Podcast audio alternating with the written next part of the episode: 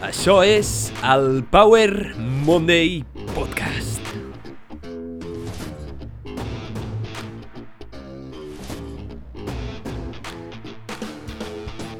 Benvinguts al Power Monday Podcast. Soc en Pau, el teu apassionat de salut, inspiració i ciència, i estic molt agraït de que estiguis escoltant aquest episodi.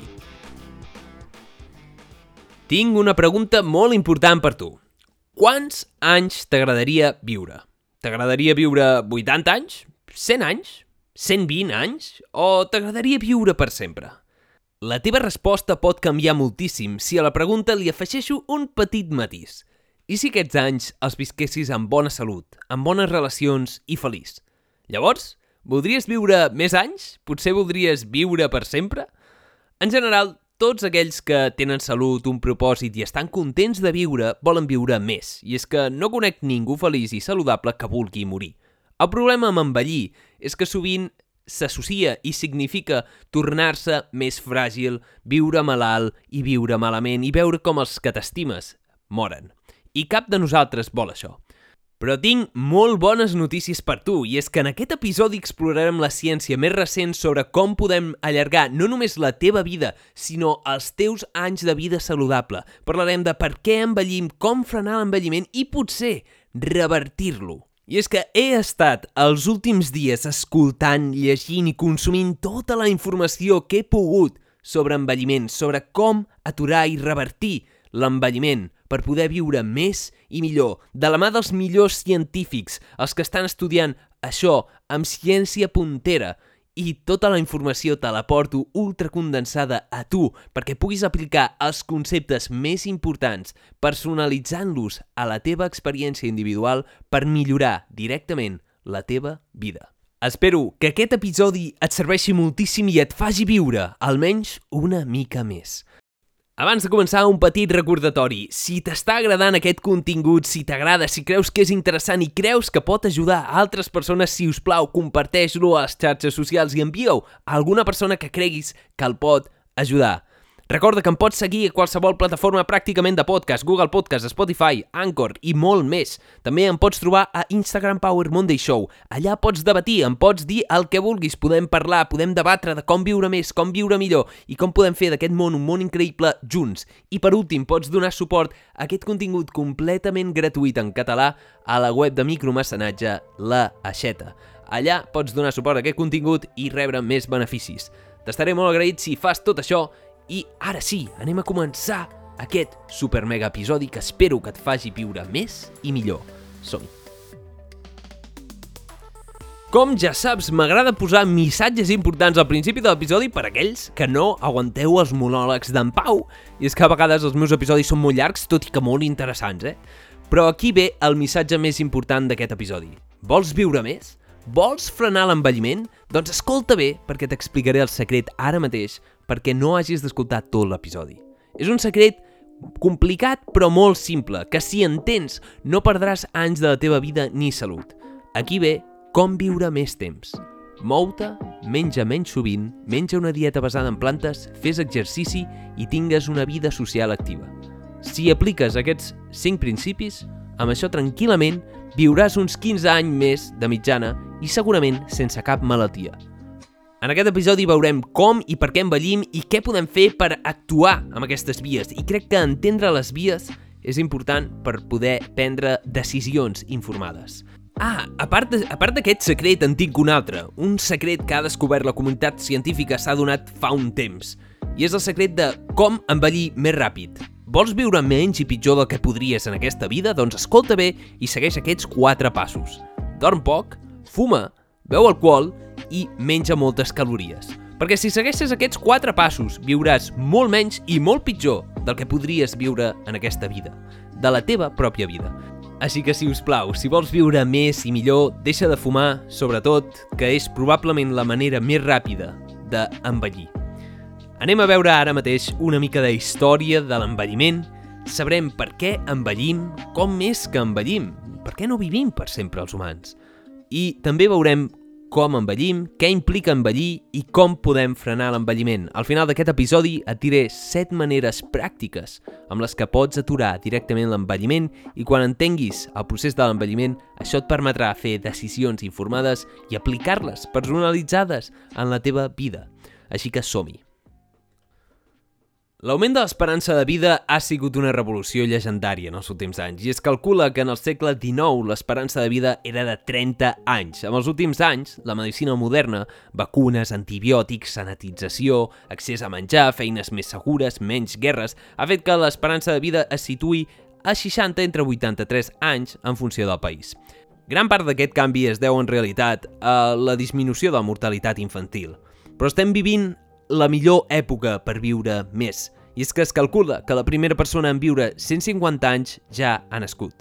El problema és que ara mateix la medicina es centra en mantenir-nos vius i no en prevenir ni en millorar la nostra qualitat de vida. I és que mantenim el cor bategant a la gent, però la seva ment ja no funciona. Vivim més temps sent vells, amb malalties cròniques, i això és el que volem evitar. I d'això parlarem en aquest episodi, com podem aturar i revertir l'envelliment? I és que ara mateix estàs envellint. No hem d'esperar a ser vells per tractar l'envelliment. Ho hem de prevenir ara mateix. Però primer de tot, per què envellim? Per què et fas vell? Per què les teves cèl·lules es fan velles? Les nostres cèl·lules en realitat poden dividir-se i regenerar-se. Com és que els éssers vius acabem empitjorant quan passa el temps? És només qüestió de temps? Què passa a nivell biològic? Per què, si les cèl·lules en un principi són capaces de crear òrgans, per què perden aquesta capacitat? Des de la dècada del 1950, moltes teories de l'envelliment van encertar que el nostre ADN està sent danyat, la informació genètica, ja sigui per errors al nostre cos o per la radiació externa o per l'oxidació. Estudis amb clonació van demostrar que l'envelliment no era tant el dany de l'ADN, perquè l'ADN d'un animal vell es podia utilitzar per fer un animal jove, sinó com s'empaquetava aquest ADN. Podem agafar cèl·lules d'un animal vell a través de certes modificacions i produir-ne un de nou, per dir-ho així, un de jove.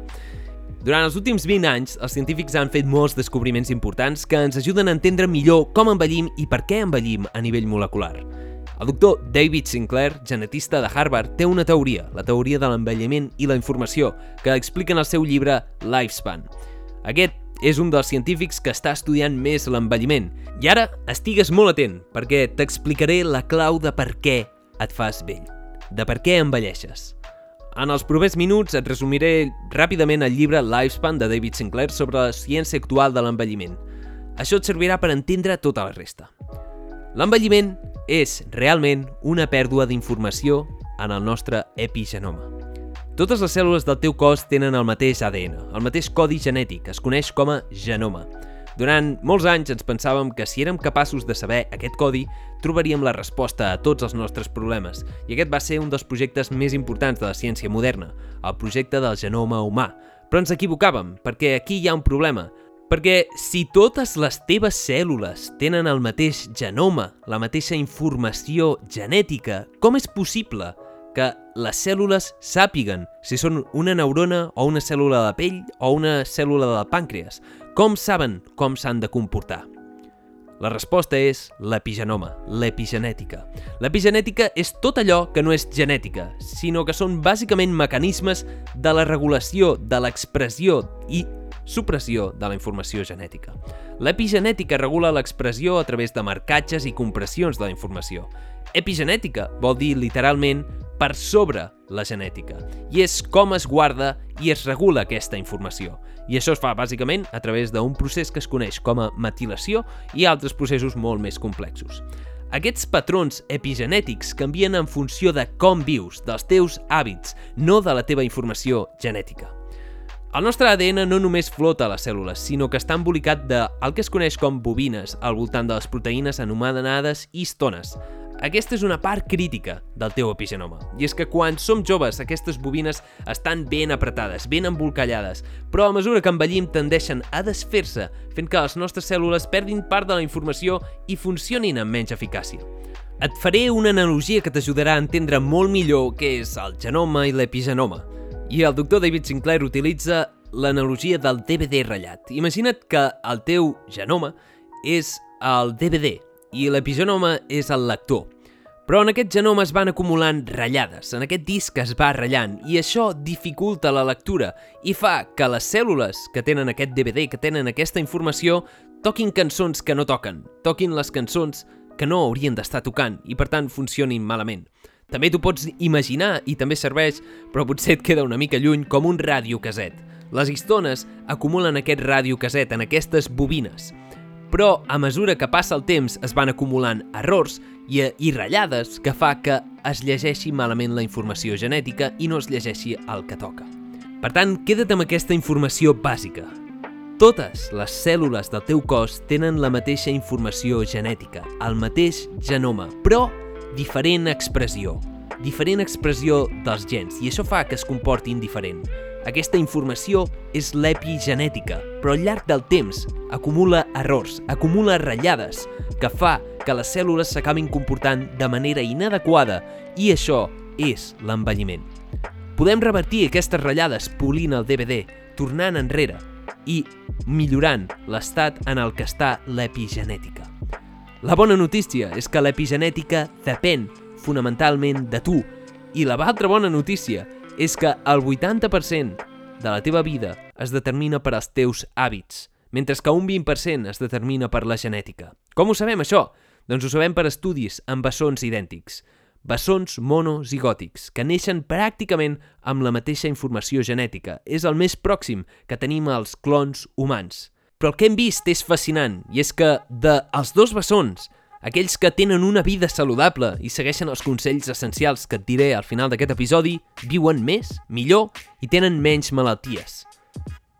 Simplement, la mateixa persona genèticament, amb una diferent expressió dels gens, amb diferents epigenètiques, és a dir, exposició a l'ambient i als hàbits, la seva vida canvia completament.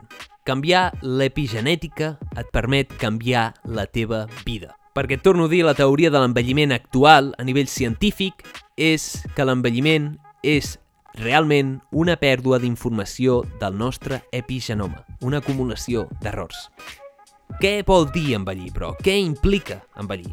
David Sinclair ens afirma que l'envelliment és en realitat una malaltia i que l'hauríem de tractar com a tal. De fet, ens diu que envellir és l'arrel de major part de les malalties, aquelles malalties associades amb l'envelliment. El cas és que frenar l'envelliment frena totes les malalties que s'associen, que són els principals responsables de mort al món. Malalties cardiovasculars, hipertensió, Alzheimer, artritis... Totes aquestes són expressions d'un mateix problema. El mal funcionament celular portat al mal funcionament dels òrgans i, per tant, de l'organisme, degut a l'envelliment. I això ho podem aturar, ho podem revertir, potser, però segur que ho podem retardar. I David Sinclair ens diu que no vol que siguem joves eternament, sinó que l'envelliment és la base de la majoria de les malalties que ens acaben matant. Les causes més comuns de mort tenen una base comuna. Totes es relacionen amb l'envelliment accelerat, que porta al mal funcionament del cos. Ningú vol viure vell, però qui no voldria viure 150 anys saludable i feliç? Perquè facis una idea, quan més envellim, més probabilitat tenim de morir, això és obvi, però, per exemple, en el Covid-19, el factor número 1 de risc era l'edat, però no l'edat el teu número d'anys que tens, sinó l'edat biològica. I és que com més edat biològica tenim, és a dir, més problemes de pèrdua d'informació epigenètica tenim, més probabilitat tenim de morir.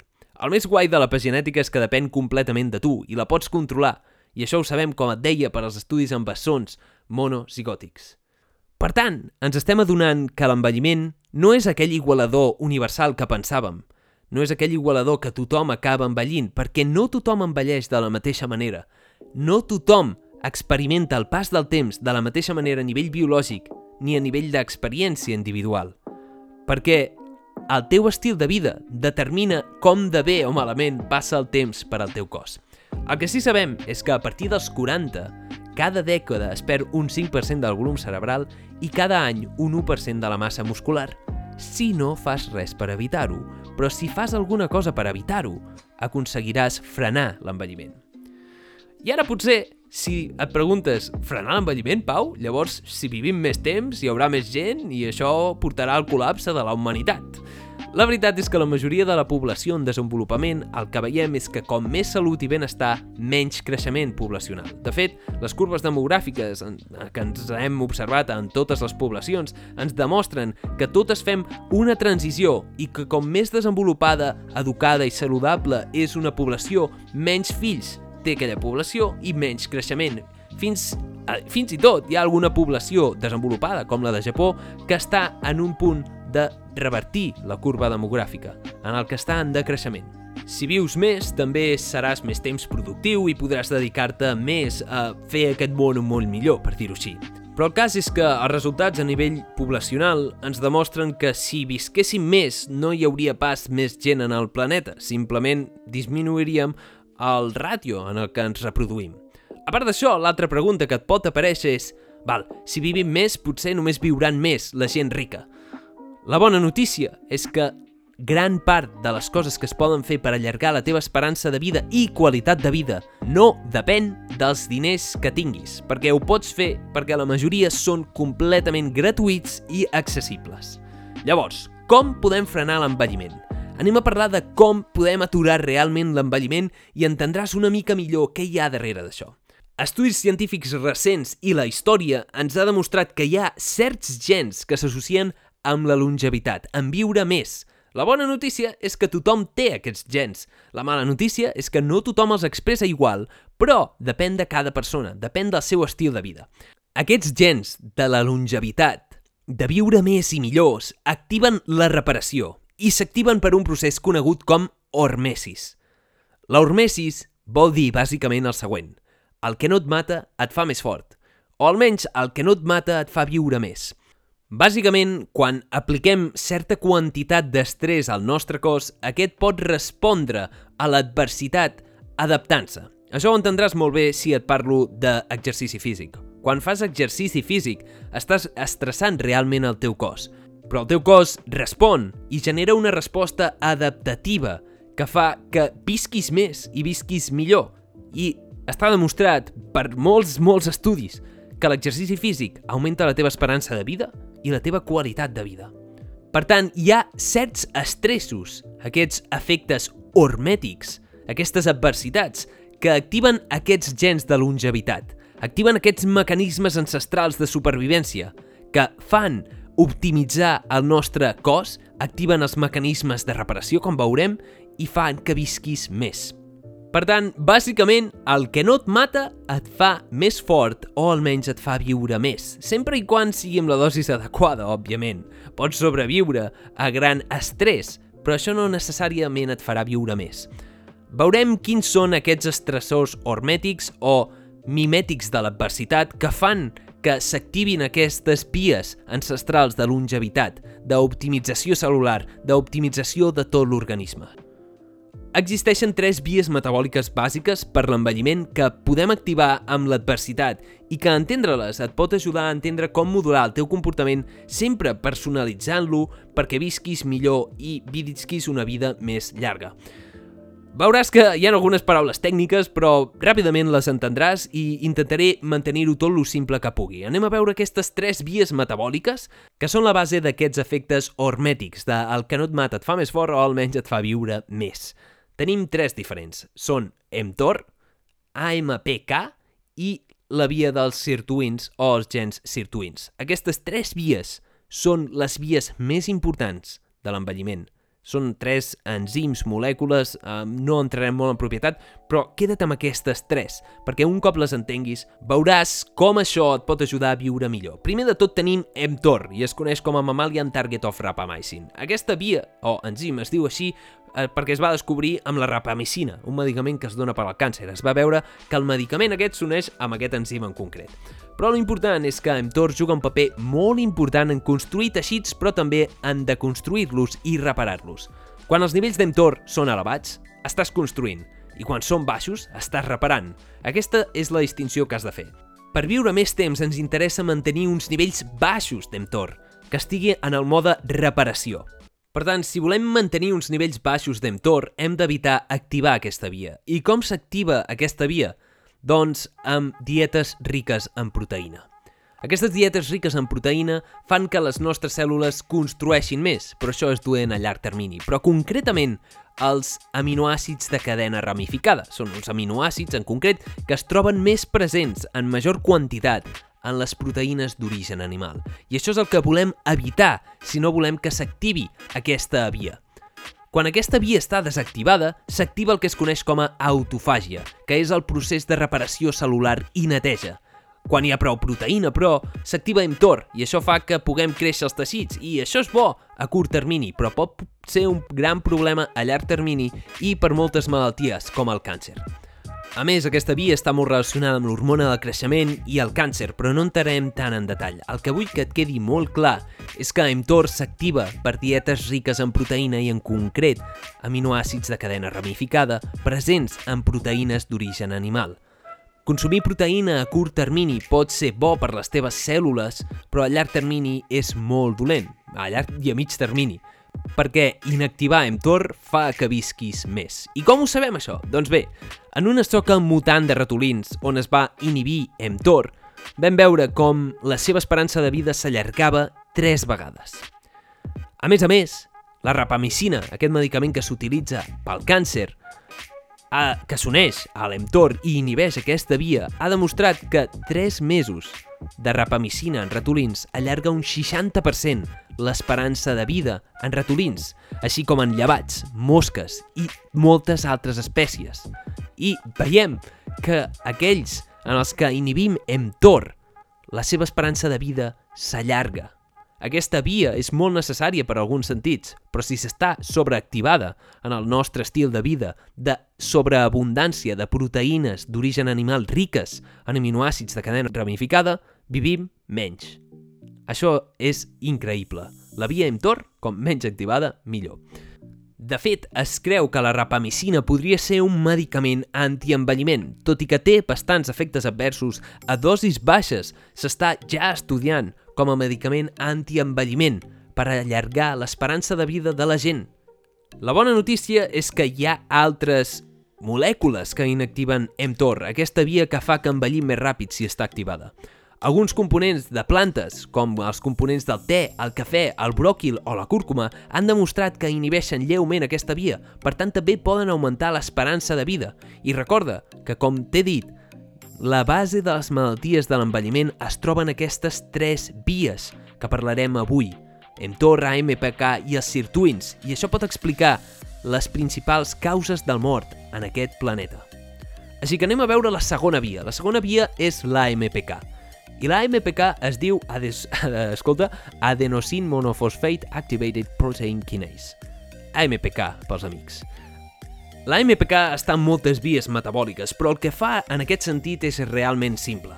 Té a veure amb l'ús d'energia. L'activació de l'AMPK ajuda a preservar la funció dels mitocondris que, quan envellim, fa que no funcioni bé. Per tant, optimitza els mitocondris, fa que funcionin millor i els mitocondris són la fàbrica d'energia del teu cos, són essencials perquè tu estiguis viu.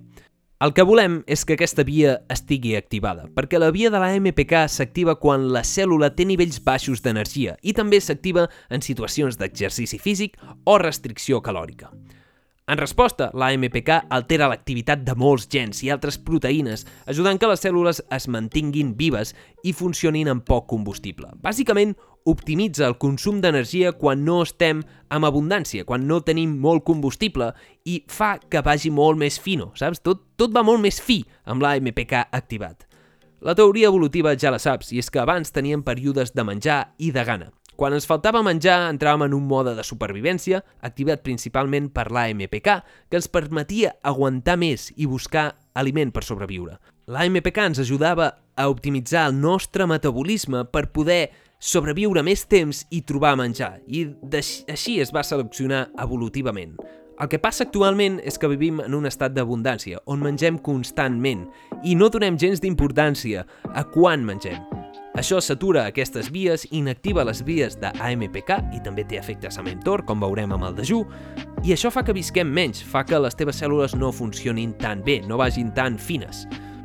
El missatge principal que et quedis és que sembla ser que les teves cèl·lules funcionen millor, més òptimament, quan no tenen molta abundància d'energia, és a dir, quan no tenen moltes calories. Fa que funcionin més fines, vagin millor. Si tenim molta energia, es saturen i no treballen de la mateixa manera. L'exercici també activa aquestes vies i l'activa directament. És la manera més poderosa d'activar les vies d'AMPK que et faran viure més. Però aquesta via també es pot activar amb fàrmacs, amb medicaments i suplements. Aquesta via es pot activar concretament amb la metformina. I la metformina és un medicament que es dona als diabètics, que millora la glucosa en sang i la sensibilitat a la insulina. El cas és que la metformina és probablement un dels medicaments més prometedors per tractar l'envelliment. S'ha vist que la metformina disminueix la mortalitat perquè activa la via de l'AMPK i disminueix aquests nivells de sucre en sang que sabem que són dolents i aquesta intolerància a la insulina. Curiosament, els estudis observen que els pacients diabètics que prenen metformina tenen un menor risc de mortalitat que els pacients no diabètics un 7%, és a dir, aquells que tenen diabetis i estan medicats amb metformina, aquesta molècula que potser ajuda a l'envelliment, viuen més que els que no són diabètics. Aquest medicament és un potencial medicament per tractar l'envelliment, però això no vol dir que no tingui efectes adversos. Ara mateix està en assajos clínics amb humans, però ja s'ha observat que en ratolins augmenta l'esperança de vida almenys un 5%. A nivell molecular, el que fa la metformina és molt guai. I és que el que fa és que augmenta l'activitat de AMPK i augmenta la protecció antioxidant, donant lloc a reduccions en l'acumulació de danys oxidatius i inflamació crònica. És probablement un dels medicaments més prometedors per l'envelliment. I la bona notícia és que és molt barat i no és lliure de patent. Ara mateix s'està fent aquest estudi per veure en els humans, el Tame Trial, per veure si realment té potencial per tractar l'envelliment. Qui sap, d'aquí uns anys potser molta gent estarà prenent aquest medicament que al principi era per diabètics, però que segurament s'utilitzarà per tractar l'envelliment. Problemes que té la metformina, perquè la metformina, com tots els medicaments, pot tenir problemes. Un dels problemes és l'acidosis làctica, els problemes estomacals i problemes musculars. La bona notícia és que desapareixen quan deixes de prendre-la. Però per activar aquesta via també existeixen altres maneres. Hem vist que per activar la via d'AMPK pots fer restricció calòrica, és a dir, menjar menys, menjar menys sovint, utilitzar a l'exercici, que és la manera més potent d'activar la MPK, i després tenim la metformina. Però també existeixen medicaments basats en plantes, com la berberina o la canyella, que tenen aquests efectes també antidiabètics que poden ajudar a activar aquesta via i a viure millor. Per tant, hem vist mTOR, hem vist AMPK i ara veurem els sirtuins. Els sirtuins amb els quals està treballant el doctor David Sinclair i en va descobrir un, el SIRT1. Aquests són set gens que fan moltes coses, però els més importants són els següents. Els sirtuins ens ajuden a reparar l'ADN, a modular la inflamació i el metabolisme. I es veu que la seva expressió baixa quan envellim. Per tant, volem que aquesta es mantingui, perquè això potser està lligat en per què envellim genèticament com a espècie. Potser no estem fets per viure eternament, probablement per aquests gens. I és que sembla ser que aquests gens hi ha gran part de la clau del nostre rellotge intern de l'envelliment. El combustible bàsic dels sirtuins és el que es coneix com NAT, nicotinamida adenin dinucleòtid. Bàsicament, els nivells de NAT baixen a mesura que envellim i l'expressió d'aquests gens també ho fa. I això és el que volem activar, volem activar aquests gens que ens fan viure més. Com ho podem fer? Doncs ho podem fer augmentant els nivells de NAT ja sigui amb l'alimentació o suplementació, s'han de prendre precursors de NAT perquè el NAT per si sol no s'absorbeix, no com l'NMN o l'NR. Um, S'han fet molts estudis amb ratolins i hi haurà molts més estudis d'aquests possibles medicaments per viure més. Però també hi ha nivells de NMN naturals, en plantes com el bròquil, que potser són dosis molt baixes, però si tenen beneficis també els haurien de tenir en aquestes dosis. Aquesta família dels sirtuins s'activa sobretot, i aquí és el més important, per als adversomimètics. Els adversomimètics, aquests estressors hormètics. El que no et mata et fa més fort o viure més almenys. Et fa més òptim. I aquests estressors hormètics poden ser la restricció calòrica, fer dejú intermitent, dejú prolongat, L'exercici físic també activa aquests gens, l'exposició a temperatures elevades i baixes, i ho veurem més en detall una mica més endavant. També aquests gens s'activen per al resveratrol. De fet, el resveratrol sembla que actua sobre el SIRT-1, el 1, i s'han fet estudis amb ratolins, mosques i moltes altres espècies, on s'ha vist que s'allarga la seva esperança de vida. Però s'hauria de veure si passa el mateix amb molts humans. L'únic que és molt difícil fer estudis d'envelliment amb humans, perquè, coi, els humans vivim molt i les rates no viuen tant temps i és més fàcil valorar a veure si han viscut més temps. Tot i això, aquests estudis porten molt temps. S'ha vist que el resveratrol disminueix l'expressió de l'hormona de creixement, millora les connexions neuromusculars, millora la circulació sanguínia i podria fer un episodi de resveratrol sencer, però potser et sonarà resveratrol perquè es troba en el vi.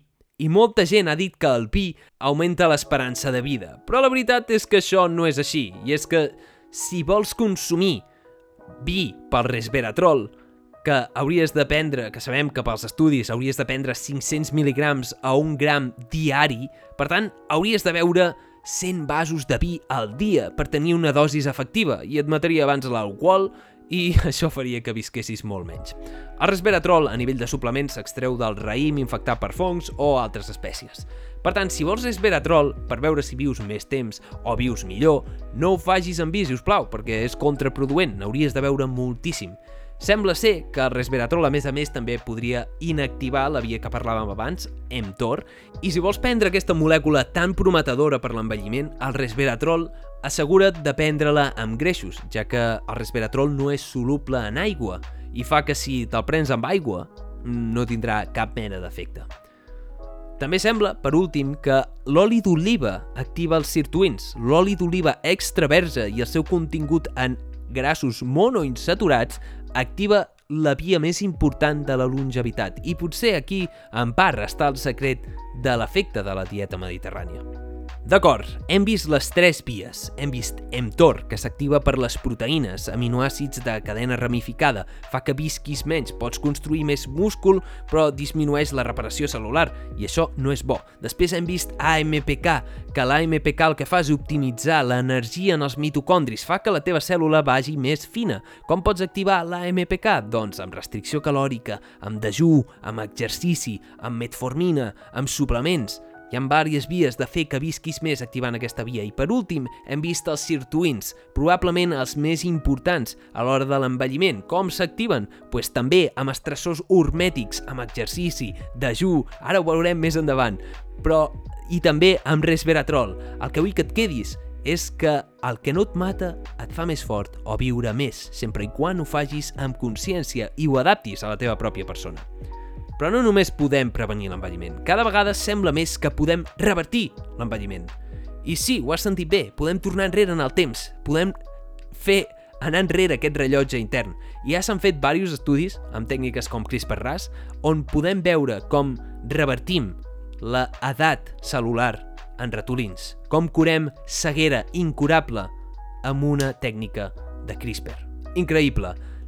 Hi haurà molts problemes ètics pel mig, hi haurà molts problemes amb com utilitzem aquesta teràpia, però probablement aquesta teràpia ens ajudarà a salvar vides, a recuperar gent que és paraplègica, tetraplègica, a recuperar la joventut celular.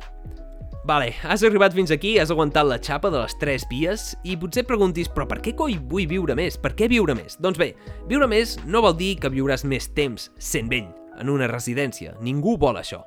Ningú vol allargar el temps que passa a l'hospital, però et donaré uns quants motius pels quals intentar viure més és essencial. Primer de tot, tots tenim la capacitat d'escollir, escollir viure més i millor, perquè, com t'he dit, l'epigenètica determina la teva vida.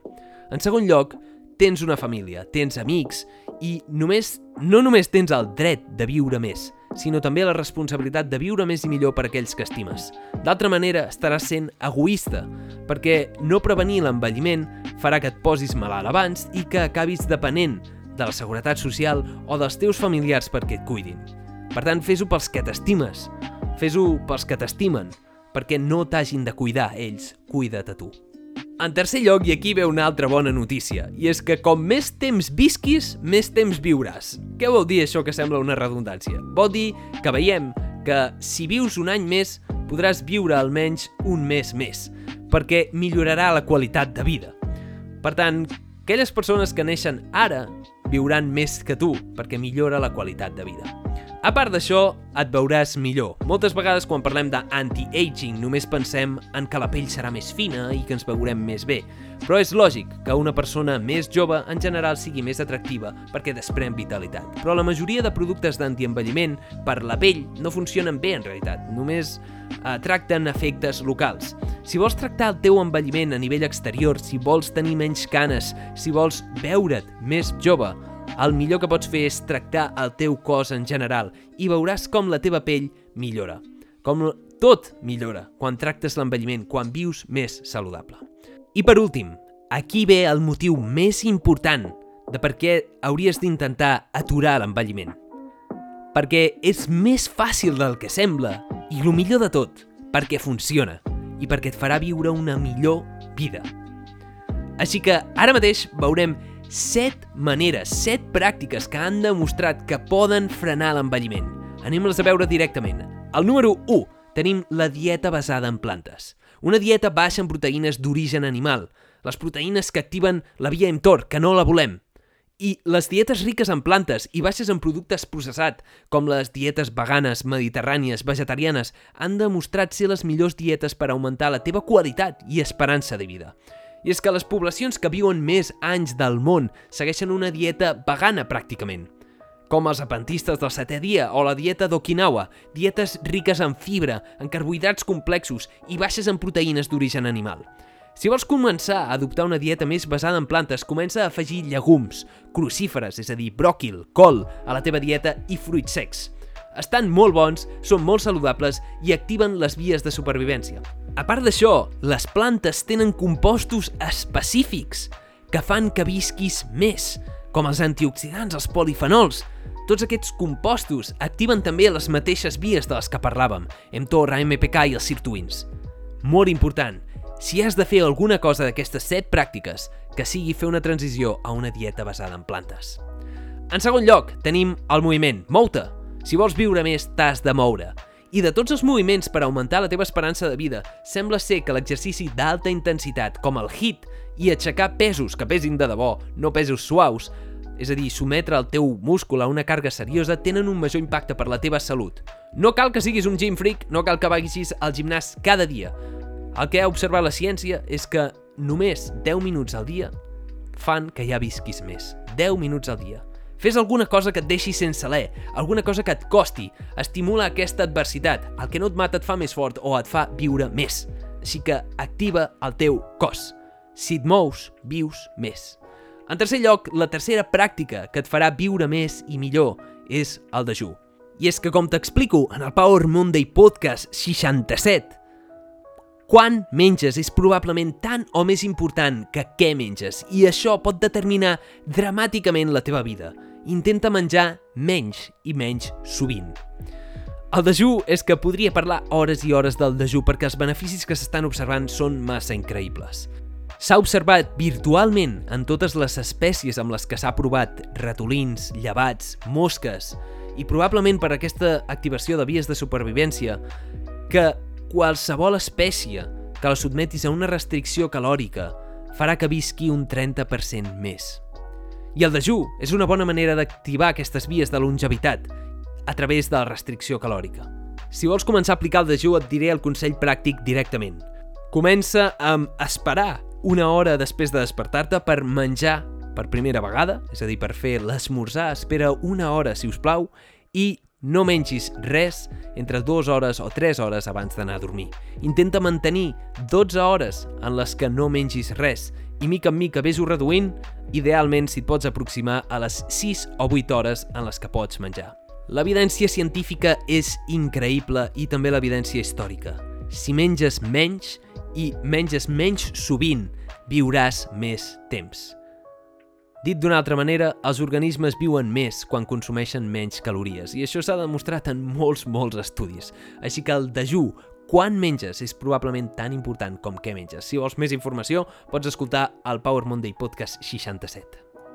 Però resumidament et farà viure més perquè activa eh, AMPK i inactiva mTOR i activa els sirtuins. Aquesta és la resposta bàsica de per què el dejú ens fa viure més temps.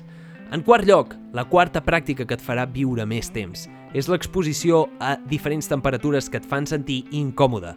Les saunes i els banys d'aigua freda que donen per un altre episodi sencer han demostrat que activen també aquestes vies de supervivència. El que no et mata et fa més fort. L'exposició a curt termini a aquestes temperatures pot ser una manera molt eficaç per aplicar aquest estrès positiu que et farà viure més temps.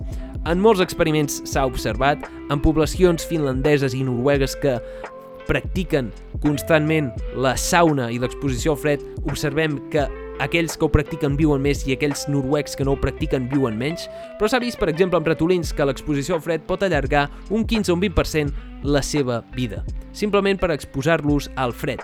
S'ha observat que l'exposició al fred, per exemple, augmenta la producció d'un teixit que es diu teixit adipós marró i aquest és molt bo per la teva salut. L'exposició al fred i a la calor ho veurem en un altre episodi perquè, creu-me, és increïble. En cinquè lloc, la cinquena pràctica que et pot fer viure més és tenir una bona vida social, perquè s'ha observat que aquells que no tenen una bona vida social, increïblement viuen menys. En sisè lloc, tenim monitoritza i personalitza tot el que fas. Tu i jo som dos humans. Tenim un sistema molt semblant que funciona amb certs principis i té aquestes vies genètiques, epigenètiques i tot el que tu vulguis. Però tu i jo som diferents. Cadascú és únic. I és que, que tot varia en funció del gènere, de la raça, de la ètnia, de com visquis, de quin és el teu estil de vida, de quina és la teva mentalitat. Així que monitoritza't, mesura com estàs? Escolta't a tu mateix, utilitza la ciència, fes-te analítiques i pregunta'n com pots millorar la teva pròpia salut. Personalitza tota la informació que trobes aquí i a altres llocs per millorar la teva pròpia vida, perquè ningú és expert en tu excepte tu mateix. Tu ets expert en la teva pròpia vida i la informació que pots extreure de molts altres llocs et pot ajudar per personalitzar-ho, però mai el que em funcioni a mi té per què funcionar-te a tu. I per últim, he deixat la pràctica més important de totes pel final, la pràctica número 7, i és la mentalitat i la pràctica de meditació. De res sembleix viure més temps si no vius bé. Pots tenir un cos molt saludable, però si no tens una bona mentalitat, viuràs una vida miserable. El que s'ha vist és que els optimistes viuen un 15% més, o almenys tenen un índex molt més baix de mortalitat. La teva ment determina la teva vida, i és que ja pots estar, ja et dic, en un cos saludable i immortal, que si mentalment no estàs bé i no ets capaç de gaudir de la teva vida, res servirà. Les maneres amb les que pots millorar la teva mentalitat és amb la meditació, amb bons hàbits, amb les preguntes que et fas, amb la narrativa que tens dins del teu cervell, amb treballar aquesta introspecció. Els teus pensaments poden canviar la teva epigenètica i poden canviar el teu cos. Recorda que tens el poder de decidir què penses i que la teva ment és probablement el més important de tot. Aquestes són les set pràctiques que et poden fer viure més. I això no ho dic jo, això ho diu la ciència, els estudis punters, observem les poblacions que viuen més i tenen aquestes pràctiques en comú. Utilitza-les com et vagi bé, personalitza-les a tu mateix, fes allò que puguis per viure més i recorda que si vius més, viuràs millor. En resum, aquest episodi és una guia, és una base perquè entenguis l'envelliment – hem vist que l'envelliment és en realitat una pèrdua d'informació epigenètica que regula l'expressió dels teus gens. La bona notícia, quasi tot depèn de tu, dels teus hàbits. La mala notícia, estàs vivint en un món on els teus mals hàbits són més fàcils que mai. Hem vist les tres vies, les tres vies, la mTOR, AMPK i els sirtuins, que s'activen per estrès hormètic, és a dir, el que no et mata et fa més fort o et fa viure més. Aquests estressos són els que t'acabo d'anomenar, l'exercici físic, la restricció calòrica, mantenir una dieta adequada, el dejú i l'exposició a temperatures elevades o baixes, que generen aquesta adaptació que et pot fer viure més i millor, fa que s'optimitzin totes les teves cèl·lules i s'aturi per un moment l'envelliment. No sé si viurem per sempre, no sé si serem immortals, però el que està clar és que tens l'oportunitat de decidir, actuar i viure la teva millor vida. Utilitza aquesta informació i personalitza-la. I, sobretot, no fumis, no beguis alcohol i dorm bé, perquè si hi ha una manera ràpida d'envellir és fumant i dormint malament. Si us plau, si t'estimes, si vols viure la teva millor vida, inverteix en hàbits saludables. Aquesta és la meva opinió, Espero que t'ajudi i que faci que visquis una millor vida. I això és tot. per aquest episodi. Pum!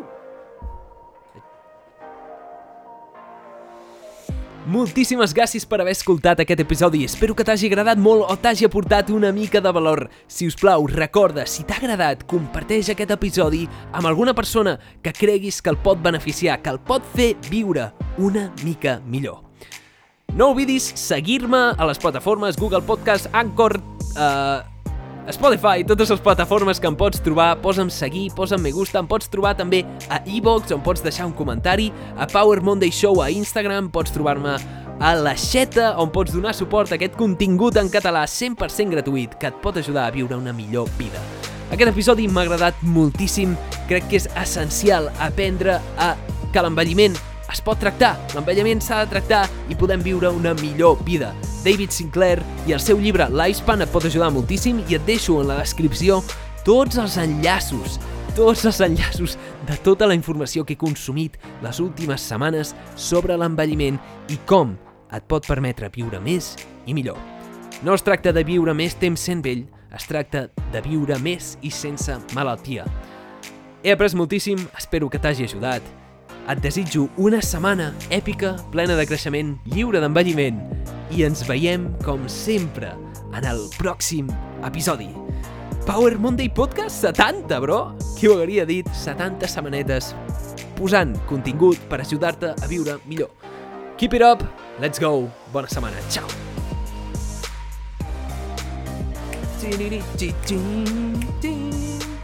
46 minuts let's go, let's go.